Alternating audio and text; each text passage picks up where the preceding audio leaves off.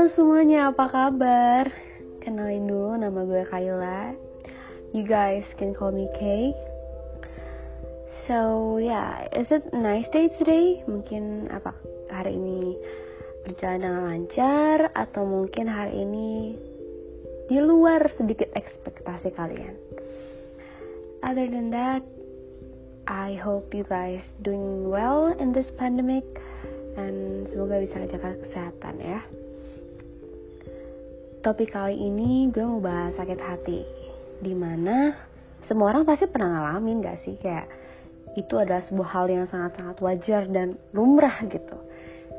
Dan gue jadi keinget satu hal dan tersadar akan satu hal karena banyak banget temen gue yang ngeluh sakit hati dan gue lihat rata-rata mereka tuh sakit hati bukan karena orangnya loh. Jadi gini, kebanyakan orang sakit hati karena pola pikirnya sendiri. Pola pikir apa? Pola pikir ekspektasi dan harapan. Di mana harapan dan ekspektasi mereka tidak terpenuhi, maka dari itu mereka sakit hati terhadap suatu hal atau atau suatu uh, seseorang. Nah, di sini permasalahannya. Ketika satu orang tersakiti, mereka menyalahkan seseorang atau objeknya, bukan menyalahkan, bukan malah memperbaiki diri sendiri. Jadi, sebenarnya yang sering bikin kita sakit hati adalah pola pikir dan ekspektasi. Coba gini, ini contoh mudahnya ya kita seseorang ketika seseorang sedang mengikuti suatu lomba ia berekspektasi akan menang karena dia sudah sangat optimis. Dia sudah berlatih selama berbulan-bulan bahkan bertahun-tahun. Lalu ia all out standing all out di perlombaannya dan dia berharap sangat berharap untuk menang.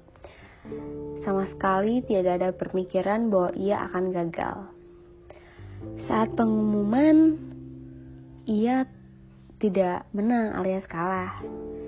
Dan di situ ia sangat-sangat merasa tersakiti dan pola pikir orang yang sedang tidak stabil emosinya, which is dia sedang tidak stabil emosinya karena dia kecewa saat itu. Kadang beberapa orang menyalahkan uh, panitia atau judgesnya karena karena menurut dia mungkin dia sudah stand out tapi uh, judges tidak melihat dengan cara yang seperti itu gitu.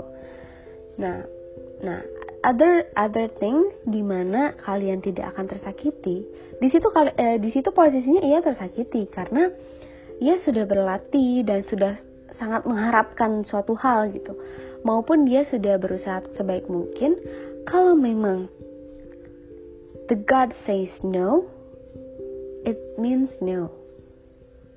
Jadi, kalau berharap akan suatu hal, jangan memaksakan kehendak kita. Karena belum tentu yang membuat yang apa yang kita harapkan itu baik untuk diri kita sendiri. God knows better ways, God knows better answer dibanding kalian sendiri. Jadi gimana kalau orang itu berpikiran kalau dia nggak apa-apa menang apa atau kalau yang penting gue udah berusaha nih misal kayak gitu. Saat pengumuman dia nggak akan berharap terlalu banyak akan kemenang, dia berharap menang tapi tidak benar-benar tidak menggantungkan uh, apa pun terhadap kemenangan, ngerti nggak? Jadi di situ jika kalian berharap akan suatu hal, berharap sewajarnya aja. Tidak perlu sampai mengimpi-impikannya, sampai terlalu gegabah, terlalu optimis istilahnya. Terlalu ambisius. Karena suatu uh, kerja keras, mau sekeras apa pun lu berusaha, akan kalah dengan takdir. When God says no, then no. Sebenarnya, nah, When God says no, it means you hurt, right? Tapi sehabis itu pasti pasti God giving you something that really really special ahead. Dari situ sih. Jadi sebenarnya kebanyakan orang sakit hati karena pola pikir mereka yang berharap terlalu banyak kepada seseorang. Jadi, mulai dari sekarang, yuk ubah pola pikirnya. Ubah pola pikirnya jadi lebih rileks, lebih santai, lebih easy going istilahnya ya nggak apa-apa, nggak nggak apa-apa. Kayak kalian nih misalnya ada yang mau nembak seseorang, terus kalian berekspektasi dia jawab iya karena udah PDKT setahun misalnya. Terus ternyata dia jawab enggak. Kalian sakit hati dengan hal itu. Sebenarnya jangan salahkan orangnya, salahkan pola pikir kalian yang terlalu berharap banyak eh, akan diterima istilahnya. Jadi mulai dari sekarang ubah pola pikirnya ya. Sedikit-sedikit aja. Nggak perlu memaksakan bahwa kalian harus begini begini begini. Enggak karena itu bakal sulit banget untuk mengubah pola pikir seseorang. Itu akan sulit.